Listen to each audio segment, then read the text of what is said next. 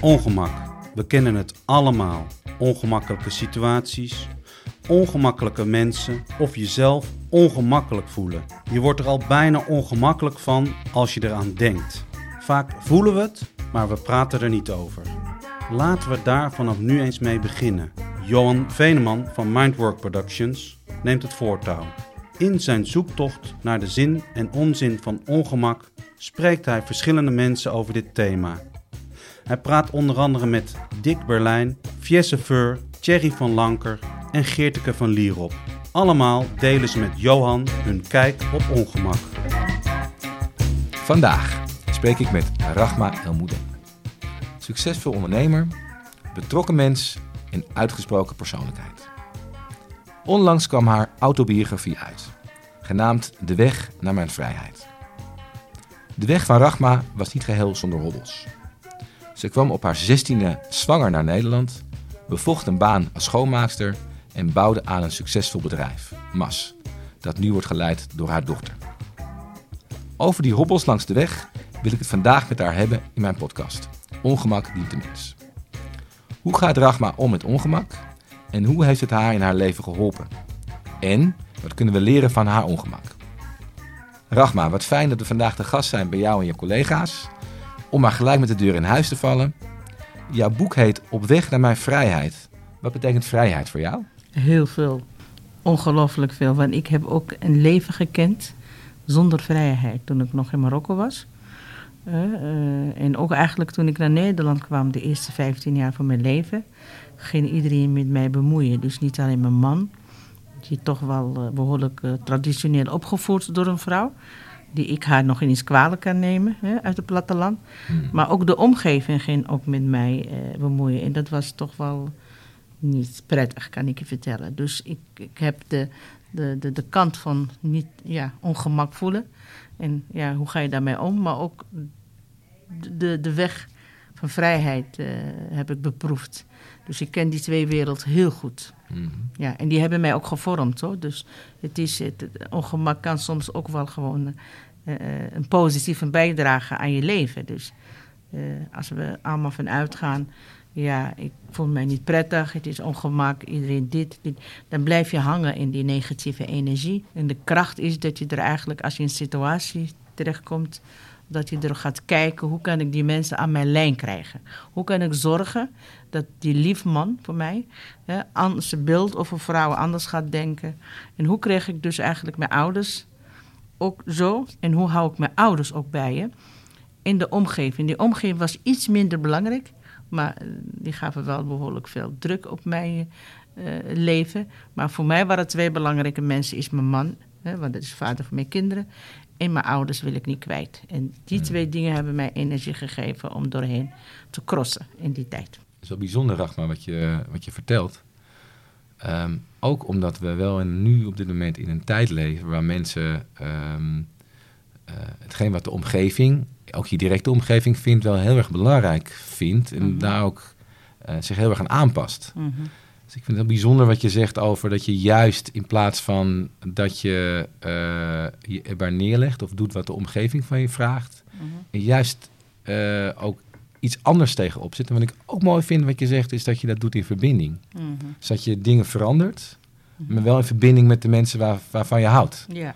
Maar dat lijkt me echt heel erg ingewikkeld. Hoe doe je dat? Het is ook heel ingewikkeld en het is ook heel moeilijk. Um, als je in een situatie komt waar ik gezeten heb en, en, je gaat naar de dierbaar kijken en dan ga je kijken naar ja, hoe belangrijk is je partner hè, mm -hmm. en hoe belangrijk is je ouders. Hè? Want voor mij was het heel makkelijk toen de tijd uh, om te zeggen, weet je wel, ik stop met het gezeik allemaal met die mensen die allemaal zogenaamd iets over mij willen zeggen of over mij willen beslissen. Mm. En dan ben ik gewoon klaar. Ik neem mijn kinderen mee en ik ga gewoon lekker weg en ik kies voor mijn vrijheid. Hè? Mm. Die ik zelf ga bepalen met wie het ook mij wil. Dat is heel makkelijk. Makkelijke weg ook. Mm. Maar ik dacht echt, Rahma, wees uh, verstandig. Je wilt papa en mama niet kwijt, want dat zijn hele belangrijke mensen. Die Mm. hebben ook ontzettend hun best gedaan om mij op te voeden. Eh, en eh, je man die houdt zo verschrikkelijk voor jou. En ook voor je kinderen. Ik heb geen slechte man gehad toen en nog steeds. Mm. En eh, eh, ja, wat dan? Hè? Dus ik heb mij in hun verplaatst. En toen ik dat heb gedaan, en toen dacht ik, oké, mijn man is opgevoed door een vrouw die uit het platteland komt.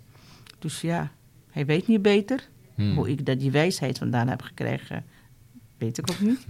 en, en mijn ouders, die zijn zo dierbaar voor mij. En ze hebben mij zo goed opgevoed. Hè? Mm. We zijn echt heel vrijdenkend opgevoed. Ik ben een dochter van imam en moslima. Ja, en normaal gesproken heb je allemaal te maken met allemaal regels die worden voorgeschreven voor je, hoe je moet leven en hoe je moet dit en dit. En dan had ik ook nog een groep die eigenlijk, waar ik niks mee te maken, maar wel behoort tot net je netwerk in Marokkaanse eh, omgeving. Mm. En die was heel zwaar, maar die, die was zwaar. Er waren gewoon bijna tien mensen, tien gezinnen, hè, waar we mee omgaan. Hè. En, en eh, eh, eh, dus op een gegeven moment, ik, was, ik viel op, ook toen de tijd. Viel ik op omdat ik een mening heb. Ik ben gewoon duidelijk. Mm. En ik heb fouten of fouten gemaakt. Ik kwam voor de recht voor de vrouwen toen de tijd. En, en dan heb ik het over de eerste 15 jaar van mijn leven. Mm. En als ik s'avonds uh, vrouwen tegenkwam op een feestje of ergens, en dan ging ik ze vertellen hoe het systeem hier in Nederland werkt. Dat wij in een vrije land wonen en dat hoeven ze niet bang te zijn. Ze moeten werken om zelfstandig geld te verdienen. En ik deed het niet expres, ik deed het gewoon. Ik denk, nou, ik weet iets meer, zal ik de, die vrouwen ook kunnen helpen. Mm.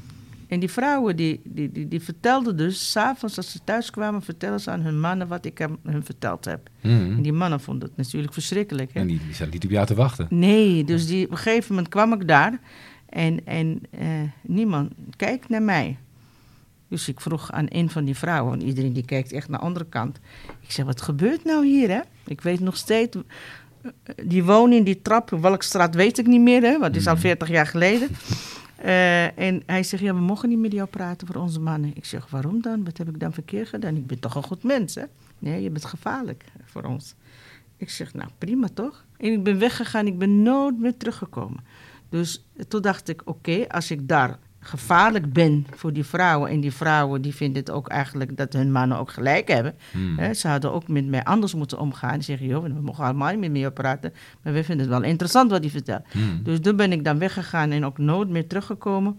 En toen heb ik heel bewust gekozen. Ik zeg, wat is er eigenlijk voor mij belangrijk? Zijn die mensen belangrijk? Of is mijn man belangrijk? En mijn vader en mijn moeder? En was de keus gewoon heel gemaakt. Als ik die mensen kan overtuigen en kan ik aan mij binden... Mm. Ik moest ze aan mij binden, want zij dachten altijd dat ik een beetje buitenbeentje, dat ik er eigenlijk nood genoeg heb. En daar ben ik er eigenlijk eh, voor gegaan en, eh, en uiteindelijk is het mij gelukt om eh, ja, met een man die dan toch wel echt door een hele traditionele vrouw. En ik heb toen ook tegen mezelf gezegd, Rahma, eh, je moet voor gaan om dingen te veranderen, want voor je dochter, voor mijn kind. Mm. Want als ik nu niks doe, dan verandert dus niks. Hè? En zo ben ik er eigenlijk aan de. En, en uiteindelijk heb- is mij gelukt. En ook die mensen, die zijn nu al bejaard, 80 Mm. en eh, 70. En we hebben nog steeds contact met ze. Hè? En die zijn zelf naartoe ons gekomen nu en zeggen: We hebben zoveel respect voor Rahma. Ik krijg tranen. Mm. Want hadden wij maar veel Rahma's in deze land. Ja. Dus ja, het is gewoon, eh, wij zijn als mensen gauw geneigd om af te haken. Als iemand eh, eh, niet op zijn gemak voelt, of als iemand denkt, oh ja, men denkt anders, of men dit. Dan zijn wij van natuur gauw om, om, om, om, eh, om mee te stoppen. Ja. En ik heb gewoon toen een andere eh, een aanpak eh, genomen. Ik heb die mensen ook niet gekwitst. Ik ben die avond gewoon gebleven en ik ben weggegaan en ik ben gewoon niet meer teruggekomen. Mm. Zij hebben niet gevraagd waarom. Hè? En ik heb ook gezegd, oké, als ik dan toch wel last voor jullie zijn, dan wil ik er ook niet. Hè? Jullie Mm. op ongemak brengen met jullie mannen. Dus laat jullie maar lekker omgaan met elkaar. En ik ga gewoon lekker met mijn man. Ja. Maar ik vind het heel mooi wat je zegt, want we hebben de neiging om bij onze mening te blijven en ook te zeggen, zo moet het. En wat ik zo mooi vind in wat je vertelt, is het feit dat eh, je pas echt verandering kan brengen als je dicht bij de mensen zit waar, eh, die, die, je, uh, die je lief hebben of die, die je aangaat. En dat je daar ook investeert en dat je daar ook geduld, geduldig mee bent. Ja. Hè, want als ik nou, als ik je hoor vertellen over je man, dat raakt mij ook. Dat vind, Ja. vind, vind ik mooi, want dat betekent ook dat jouw man ehm, eigenlijk meer veranderd is in de loop der tijd dan jij. ja, zeker. Ehm, Ja. en, maar dat heb jij wel voor elkaar gekregen. En wat Ja. ik zie bij een heleboel bedrijven, zeker bij millennials, bij jonge mensen, die, weer, die komen bij een bedrijf binnen en die vinden er overal wat van. Mhm. En die zeggen dat dingen moeten veranderen. Maar dat moet ook op stel en sprong gebeuren. Mm. Dus volgens mij, wat ik zo mooi vind in jouw verhaal, is het feit dat je wel eh, doorgaat. Dus je hebt doorzettingsvermogen, je geeft niet op. Ehm, maar je hebt wel geduld op met mensen. Ja. Ik, er is ooit over mij gesproken, en dan heb ik het over eh, 1985. Toen zei een, een heel groot opdrachtgever van Slot de Vaarziekenhuis, Hmm. die was er toen nog. En dan hadden ze dus een overleg, eh, want ik was daar leidinggevende. En toen zeiden ze, ja, Rahma is soort een tijger, die geeft gewoon niet op. Hè. Stond Hmm. ook in verslag. Hè. En ik ben iemand dus als ik denk, eh, eh, daar moet ik zijn, ja, en dan eh, ga ik eigenlijk proberen alles, hubbeltjes die ik op de weg vind, probeer ik ze te masseren. Ik noem ze altijd masseren, dus Mm. eh, totdat ze verdwijnen zijn. En dat is de beste manier om, eh, om te zijn waar je wil zijn, maar ook om het gevoel te geven. Want ik heb inderdaad, nu merk ik heel vaak, ook binnen mijn organisatie, dat alles snel moet komen en alles op tafel en dat mensen binnenkomen en dat ze eigenlijk binnen drie jaar of binnen eh, eh, twee jaar ook eh, gaan vliegen, Mhm. directeurs of weet ik wat allemaal. En dan denk ik, ja, hallo, ik heb toen de tijd zes jaar moeten wachten om, om een functie te krijgen. En eh, iedereen heel vriendelijk, hè? maar totdat ik eigenlijk uiteindelijk besloot om weg te gaan. Maar die geduld had ik wel.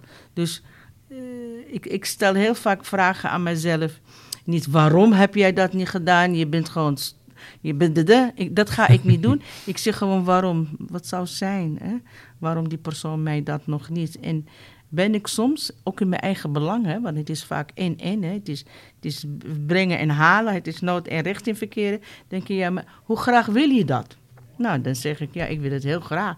Dan denk ik, oké, Rahma, je hebt nu al drie jaar geïnvesteerd hier. Hè? Hè, En als je ergens naartoe gaat, hè, wat heel vaak gebeurt, dat mensen Mm. gewoon bam, verlaten ze je. Dan moet je weer gaan investeren. En je weet ook niet wie je treft. En hier kan ik in ieder geval zo'n 60% van de karakter van de mensen, die weet ik wel. Ja? Hmm. Dus ik denk dat dat te maken met wie ik ben. hm? En, en, en, eh, en eh, die eerste 15 jaar hier in Nederland, die was echt de aller, allerzwaarste in mijn leven. Hmm. Kan ik bijna een boek er alleen over schrijven. Die heeft mij wel zoveel gebracht. Dat ik zeg, Hmm. oké, uiteindelijk mijn papa, mijn moeder, mijn lieve man. En later ook alle andere mensen ook aan mij zeiden. Ja, dat, dat heeft mij... eh, ik ben heel geduldige mensen. Ik, ben, ik geef niet zo snel op. Eh, eh, ik vind heel belangrijk om wie ik tegenover mij te begrijpen. Hmm. En dat doen eh, eh, soms jonge mensen ook niet. Die willen echt, ik, ik heb ze. Hè? Dan Hmm. denk ik, jongen, jongen, rustig aan hoor. Hoe oud ben je dan? Je bent nog 24. Je bent, eh, creëer die rust, hè, want als je dan de tijd neemt, dan krijg je ook het rust van binnenuit. Hè? Hmm. Dus eh, ja, het is gewoon hoe ik in elkaar zit.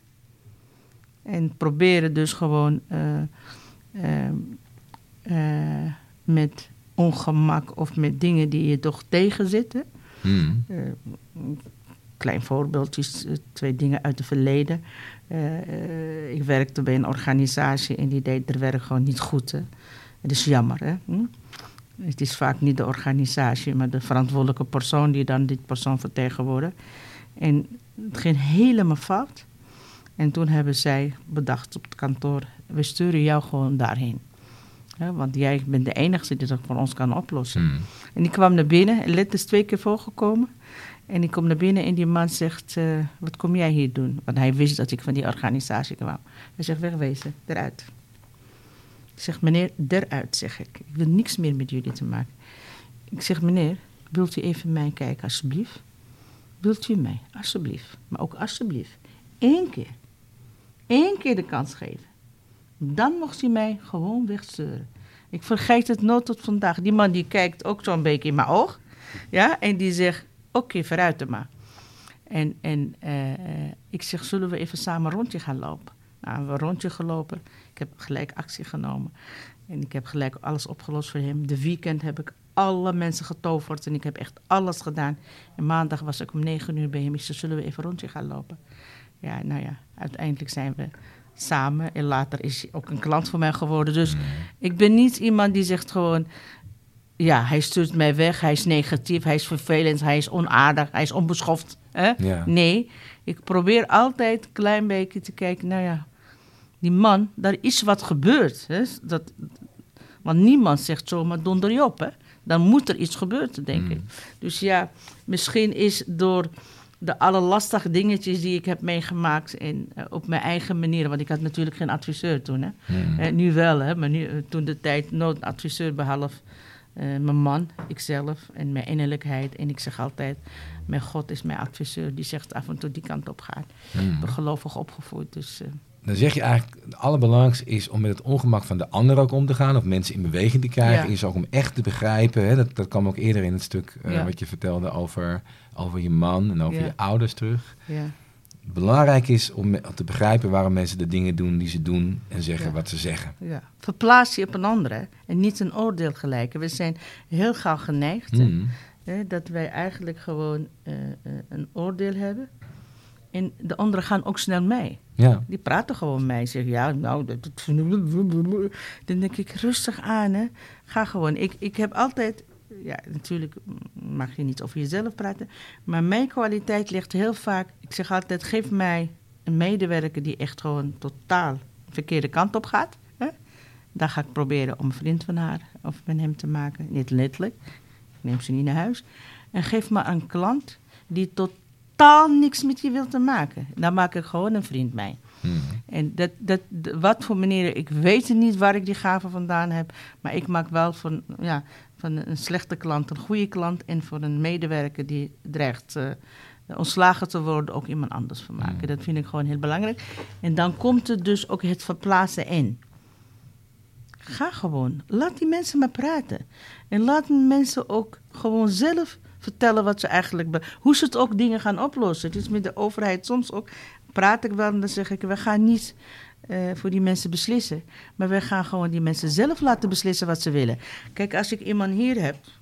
en die, die is werkloos. Ik noem maar zo. Hè, Mm. dan worden van allerlei regels omheen. En ik wil die mensen wel hebben. En ik zeg eigenlijk, die man of die mevrouw, is een voorbeeld hoor, maar die Mm. voorbeeld gebruik ik ook op de praktijk. Wat heb jij nodig? Wat verwacht je van mij dat ik je kan geven, kan je helpen om uiteindelijk die baan te vinden? Mm. Ik draai het om. Hè. Nou, dan gaan die mensen van alles verzinnen. Dan zegt ja, ik dit, dit, ik dit, dit, dit. Maar uiteindelijk kom je op een punt dat je niet verder kunt. Dan moet je. Mm. En die strategie gebruik ik bij medewerkers om ze te veranderen. Mm. Ik gebruik bij klanten die niet tevreden is. Ja? En ik gebruik ook de oogcontact heel erg. Mm. Kijk me even aan. Hm? Als ik zie dat die mensen verdwalen naar beneden, dan zeg ik: Hé hey, schat, wil je even mij in mijn ogen kijken, alsjeblieft? Ben je Kijk me nog? even. Ja, Ja. ben je nog? En dat, dat is ook een kwestie van durf, hè? Mm. Want niet iedereen, eh, eh, het kan ook intimiderend zijn. Hè? Maar de wijze hoe je het zegt, geeft mensen niet een gevoel dat je intimiderend bent. Dus zeg gewoon, ja, soms zeg je schat of weet ik van een man. En dan kan je niet tegen iedereen, maar als vrouw zijn kan je best wel veel. Hè? Mm. Hè, denk ik, eh, als mensen die tegenover jou een gevoel hebben dat je het meent, en dat is heel belangrijk hè, Mm. in de gesprekken, dan kan je heel veel dingen kantelen. Maar als je dus eh, in gesprek bent met, met je mensen en een gesprek duurt lang, want soms doet een gesprek gewoon totaal iets anders. Gaat je tot, en je gaat op een gegeven moment ook eh, je klokje kijken of je gaat, weet ik van een man, met een pen of weet ik van man, dan bereik je tegenovergesteld. Dus het is heel belangrijk om diegene die, waar je mee te maken hebt, een gevoel geven dat je nog steeds naar hem luistert. Ja. En dat je nog steeds voelt eh, eh, de pijn of de verdriet of wat dat er ook eigenlijk is. ja, en daarmee kan je dus ook hele lastige boodschappen Ja, eh, kan je toch vertellen. Ja, zeker, Ja, zeker. De wijze gewoon, ze noemen mij op kantoor moeder Teresa. ja? en ik, in de ene kant ben ik heel zacht. En ik hou echt zoveel van mensen. Volgens mij Mhm. zegt iedereen, maar ik hou gewoon ongelooflijk van mensen. Maar als het boodschappen moet verteld worden, dan ben ik ook in staat om dat te vertellen. Dus, Ja. Maar dan heb ik wel eh, eh, een gevoel dat ik alles heb gedaan. En na een gegeven moment moet ik die boodschappen gaan vertellen. Zodat ik er ook geen verwijt naar mij toe kan krijgen dat ik dingen niet heb gedaan. Dus, Hmm. en dan kom je ook weer met, wat heb je voor mij nodig? Ja. Wat heb je voor mij nodig? Nou, op een gegeven moment kom je op een moment, ja, ik heb alles gegeven, maar wat dan? Ja? Nou, dan moet je eh, een ander gesprek hebben met elkaar. Ja. En ik kan je vertellen, ik heb echt, en het is niet om eh, eh, trots op te zijn of een beetje op mijn, eh, mijn hand op mijn borst te slaan. Ik heb mensen die eigenlijk niet meer bij mij werkzaam zijn, nog steeds contact mee, nog steeds koffie, of ze komen terug. Sommige mensen zelf drie keer teruggekomen. Hmm. Maar ja, het zijn wel goede mensen die op een gegeven moment denken: oh ja, ik ga carrière maken of weet ik veel allemaal. Dus ik heb altijd een goede band met mijn mensen. Hmm. Omdat ik gewoon van ze hou. En ik heb ze ook nodig, Ja. hè, elke dag. Dat is wel mooi. Eh, De Amerikanen hebben daar een woord voor. Hè? Die, die hebben het woord tough love uitgevonden. Mhm. Dus ik, ik geef je ook dingen terug die je misschien niet leuk vindt, maar ik doe het ook omdat ik van je hou. Ja, ja, nee, maar dat is denk ik wel het boodschappen eh, die ik eh, in mijn bezit heb. eh, is dat ik er werkelijkheid ook voor die mensen hou. Hmm. Ja, dat is gewoon zo. En ik ben naast een, een man opgegroeid, vader, imam. En die imam die was er altijd bezig om iets van een andere te doen. En hij had niet, oh ja, die nee, dus iedereen. En, ik zag op een gegeven moment, op een jonge leeftijd, zag ik gewoon mensen die pas van de gevangen waren gekomen. Of mensen die eh, alcoholist gebruiken en zo. En die kwamen soms mijn vader opzoeken thuis. Hè. Ja, eh, en dan zeg ik, eh, pap, dat deed en die. Ik zeg, waarom praat hij met die man? Ik was, die man die, die, die, die is niet goed hoor. Nee. En toen zei hij altijd, deze mensen hebben mij nodig. Hmm. Want die andere mensen die hebben de weg naar de moskee al gevonden. Hè? En deze mensen moet ik ze nog helpen om die zachtheid van te krijgen. En dan denk ik, ja, oké, daar Hmm. zit er wel wat in. En eh, eh, op een gegeven moment kwamen ook wel mensen bij ons thuis aan de deur kloppen, bedelaars, hè? gewoon bedelaars. hè. En ik zei tegen mijn moeder, eh, die man die was drie dagen geleden ook hier aan, aan bedelen bij de deuren. En, en toen zei ze, ze gooi de deur, de deur nooit dicht in de gezicht van de bedelaars. Ik zeg, oké. En ik zeg, oké, dus wat moet ik geven aan die man? Nou, zegt ze, ga maar even naar de keuken. Normaal geef je een stukje brood of een stukje, of een stukje geld, of een beetje geld of kleren. Nou, al die drie hadden wij dus niet. Er was geen brood meer in de keuken. Portemonnee was er gewoon leeg van mijn moeder. Ze moest Hmm. nog geld gaan halen om boodschappen te doen. En kleden hadden we ook niet meer, die hadden we ook uitgedeeld. Dus ik ben naar de keuken gegaan, zegt mijn moeder. "Eh, wat heb je daar? Ik zeg, ik heb nog een olie. Klein beetje, één glas olie. En toen zei ze, deel dat met de man. Dus heb ik één glas olie zo gedeeld met hem. En dat, ja, dat tot vandaag de dag heb ik iets met mensen, heb ik iets met arme mensen, heb ik iets met mensen die je moet helpen. Het maakt niet Mm. uit. Het is niet alleen met geld. Hè. Ik help je ook gewoon omdat je in de shit zit, in een probleem. En dan ga ik je gewoon helpen. Dus Mm. het is niet altijd alleen. Ik denk dat het ook invloed op mij, Ja. in mijn leven geweest is. Mooi. Dat is mooi. En wat je eigenlijk vertelt is dat het, ehm, je hebt eerst eh, geleerd eh, om voor jezelf te zorgen. En ook de dingen die, die voor jou belangrijk zijn, om daar de mensen waarvan je ook houdt en die belangrijk voor je zijn, erin mee te nemen. Mhm. En je bent nu op een punt gekomen dat je eigenlijk ook een beetje in de voetsporen van je vader aan het treden bent. Ja, eigenlijk wel, ja. De laatste jaren, omdat ik nu ook wel een beetje wat, eh, wat, wat, wat vrijer ben, hè, heb ik ook wat meer. Die, dan merk je dus dat ik eigenlijk eh, vrienden voor mij die zeggen gewoon: Je hebt zoveel kwaliteit. Hou nou een keertje op met dat die kansarme mensen voor jou. Je bent toch een zakenvrouw Mm. en dan moet je iets anders. Dan word ik heel verdrietig van binnen. Dan zeg ik: Hou nou op. Ik zeg: Ik vind het niet fijn om je te horen. Hè? eh, ik, ik, dat ik een zakenvrouw, dat weet de hele wereld. Hmm. Maar ik wil juist die mensen hel- eh, eh, gaan helpen waar ik eh, eh, die hulp nodig heb. Dus ja, ik zeg altijd als ik opnieuw moet geboren zijn, dan word ik pastoraal werk of eh, imam of weet ik wel allemaal wat er. Ja, dat, Mooi. heb ik, dat, dat heb ik geërfd van mijn vader, ja, Ja. ja. En daar ben ik heel blij mee. Mooi. Ja. Nou, dat betekent ook dus dat je de vrijheid hebt om meer dingen te doen. Dat betekent ook loslaten Ja, van, van dingen. Ja, ja. Was dat, eh, en jouw, jouw dochter eh, treedt in je voetsporen, eh, neemt steeds meer dingen over. Was dat ongemakkelijk? was lastig. Was het heel lastig omdat hij dan. Eh, kind is je kind, hè? die Mm. is eh, uit die buik gekomen. En je organisatie, ja, die heb je ook ooit een keertje bevallen. Die is ook een keertje geboren. In beide zijn eigenlijk jouw liefs. En eigenlijk allebei doen pijn. Dus het was heel lastig. En mijn dochter, die heb eigenlijk op een hele jonge leeftijd... eh, nou, ik denk dat ze net 22 was of, of 25, ik weet niet meer. In ieder geval, ze was er nog op school. En, en ze, was altijd, ze heeft altijd interesse getoond in de organisatie. En op een gegeven moment was het er ook, eh, ja, eh, soms lukt het niet met de directies. En die zei gewoon, nou, zonder voor je geld, dan laat ik me dat gewoon proberen. Ja, snotneus, hè. Ga toch eerst eh, zorgen dat je een studie afgemaakt hebt. En, dus dat was altijd haar ambitiestikken. Hmm. Ja, dus dat betreft heeft ze ook mijn karakter. Ze durft wel. Maar het was gewoon heel moeilijk. Hè? Iedere keer weer, dan weer, dan weer. En dan denk ik, ja, snotneus, je moet nog heel veel leren. Dus we hebben elkaar eh, eh, veel eh, ehm, eh, gemarteld, om zo te Mm. zeggen. Ja, op, op mo- moederniveau. Maar ze heeft echt een behoorlijke leerschool gehad voor mij. Ze Hmm. zegt ook nu, als je naast Rahma hebt gezeten, dat heb ik gedaan, daar heb je echt geen universiteit voor nodig. Heb je gewoon niks van nodig. Dus uiteindelijk is, hebben wij toch een, een coach genomen. Eh, ik heb er iemand waar ik heel goed mee omging in, eh, in, eh, in netwerk. En die wist ik dat hij met vervroegd pensioen zou gaan. En ik heb hem gelijk, boem, naar binnen gehaald.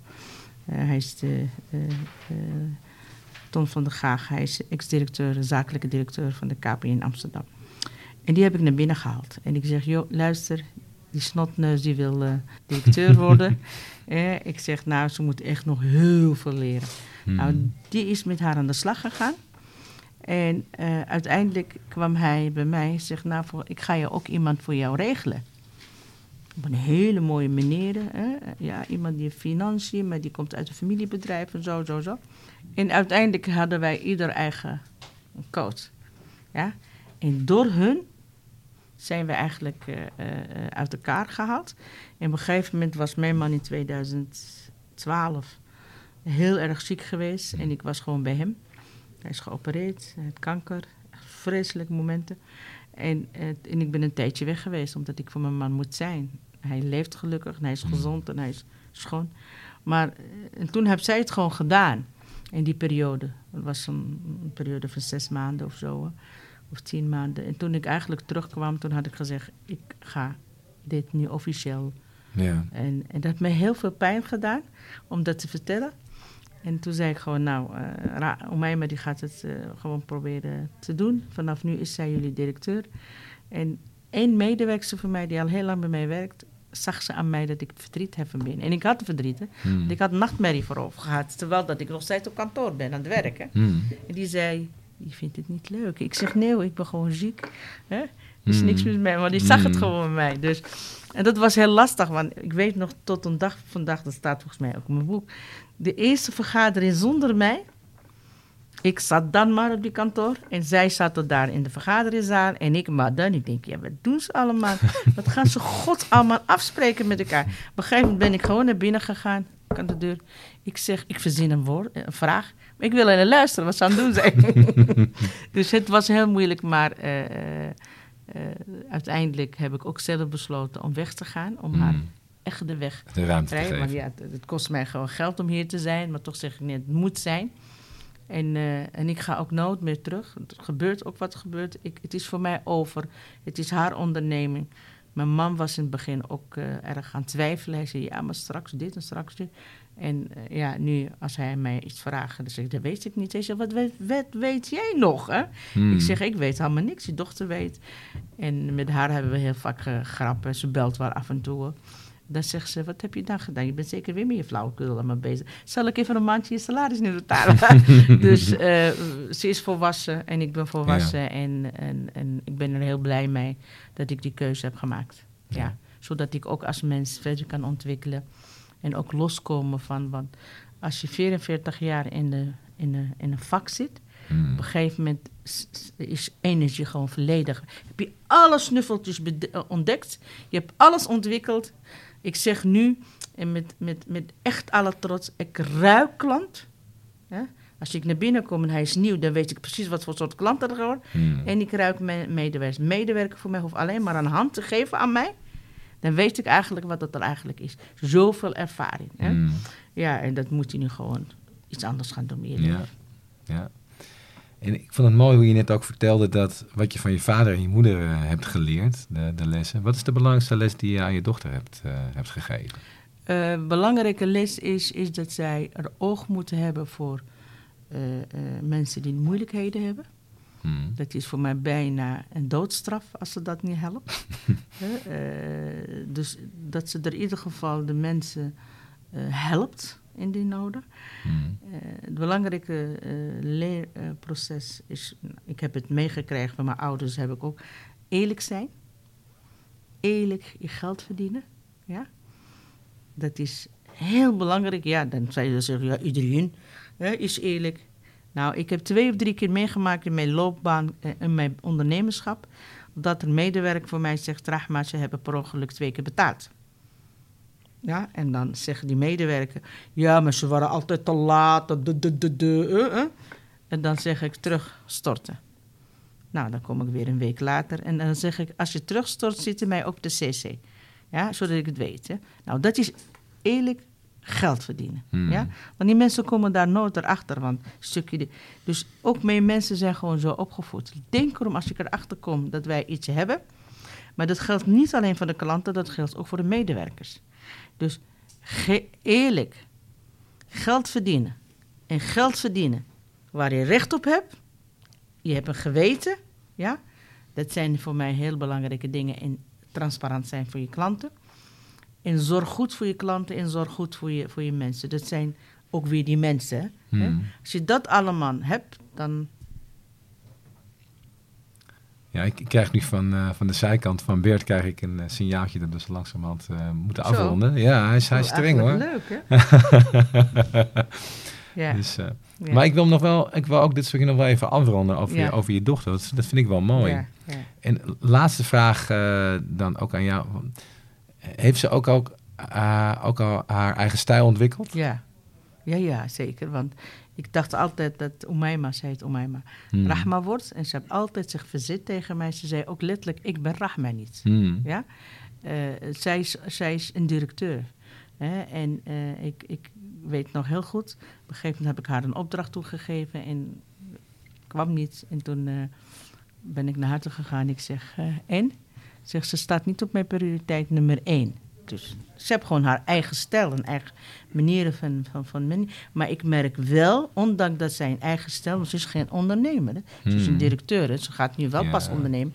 Maar ze heeft wel heel veel over van de moeder. Dat kan niet anders. We zijn opgegroeid in één huis. Dus Hmm. ja, ze heeft heel veel voor, eh, voor mij. En ik merk nu ook dat eh, maatschappelijke taak eh, bij haar begint echt heel zichtbaar te worden. Dus Ja. ze heeft zeker van mama gezien. Ja, en daarna natuurlijk, eh, ze is nog jong. hè, en ze heeft een andere opleiding. Dus ja, ze heeft een andere visie, een andere missie. eh, innovaties. Ze is gewoon een echte directeur. Hmm. Maar wel met mensen om haar heen eh, waar ze ook van houdt. En Ja. ze krijgt heel veel van elkaar, van de mensen Mooi. die om haar verzameld zijn. Ja.